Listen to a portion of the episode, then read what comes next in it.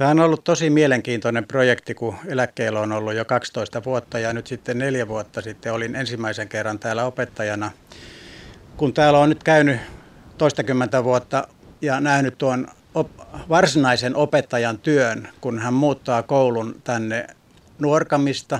Hän on opettaja, keittäjä, siivooja, talonmies, terveydenhoitaja, mitä kaikkea onkaan. Ja sitten kun miettii, jos täällä on kymmenkunta lasta, niin kovilla on varsinainen opettaja. Ja sitten kysyin, että olisiko apu tarpeen tai haluaisitko, niin mieli hyvin. Ja ensimmäisen kerran kun tulin, niin tulin sitten pari vuoden päästä toisenkin kerran, kun näytti, että apu on ihan, ihan tervetullutta. Ja, ja pidän työstä sekä sitten kun pääsee tänne luonnonhelmaan ja tämä on sitten kuvaajalle otollinen ehtymätön kuvauskohde.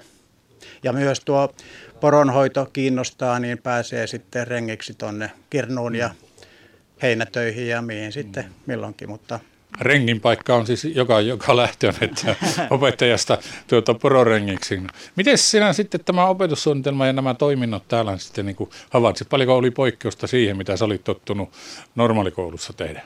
No kyllähän siinä on yksi oleellinen seikka ensinnäkin, että opetuskieli on saame, jota minä en osaa. Täällähän on nimenomaan ollut tavoitteena, että tämä koulu toimii ikään kuin tämän poronhoidon ehdolla, että silloin kun porotöitä on, ne tehdään ja sitten koulua ollaan, tehdään siinä sivussa. Miten sä ajattelet, kuinka tämä on hyvin integroitunut sitten tähän tilanteeseen tämmöinen koulu, kun ollaan paikan päällä ja eikä lähetä mihinkään muualle huseeramaan?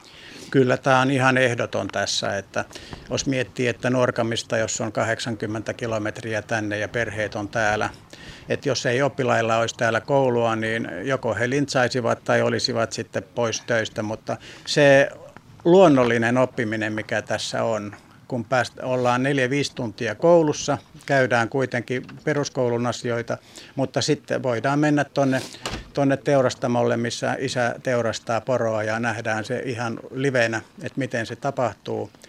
Ja sitten eh, no, varsinaisten niin sanotun tämmöisten matematiikan ja äidinkielen tuntien jälkeen, kun sitten ollaan kirnussa tuolla hmm. oikeissa töissä apuna, niin se on ihan ehdoton kyllä minusta tämä, että tämä kulttuuri siirtyy nuoremmille sukupolville.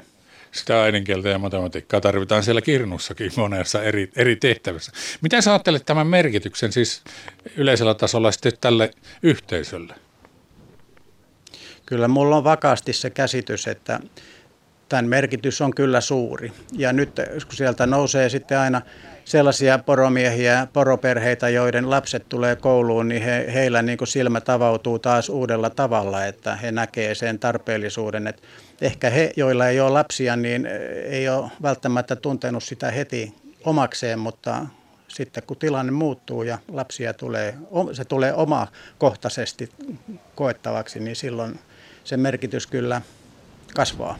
Täällä sanoit, että täällä poroperheiden jälkeläisten silmät aukenut. Miten aukesivat Erkki Hämäläisen silmät saamelaiskulttuuria kohtaan?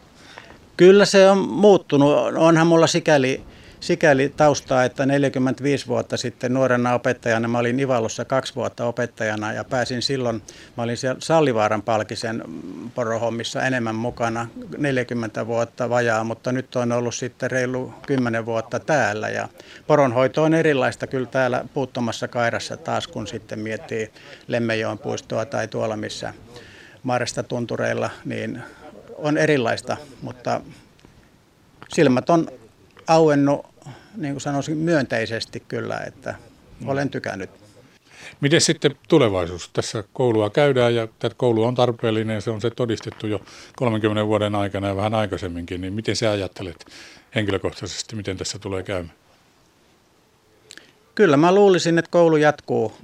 Toivotaan, että rakennus pysyy seuraavatkin 30 vuotta tuossa ja oppilaita riittää, että, että Norkamin koulussa on tällä hetkellä – 17 oppilasta ja, ja tuo osa heistä, joilla on korvamerkki, niin pääsee tähän nyt sitten niin kuin porokouluun, mutta kaikki, koko, tämä on tarkoitettu koko kunnan lapsille ja nuorille koulu- mm. ja virkistyskäyttöön. Että se pitäisi nyt muistaa tässä, että tämä ei ole pelkästään erotuskoulu, vaan tämä on virkistyskäyttöön tarkoitettu koko kunnan lapsille ja nuorille.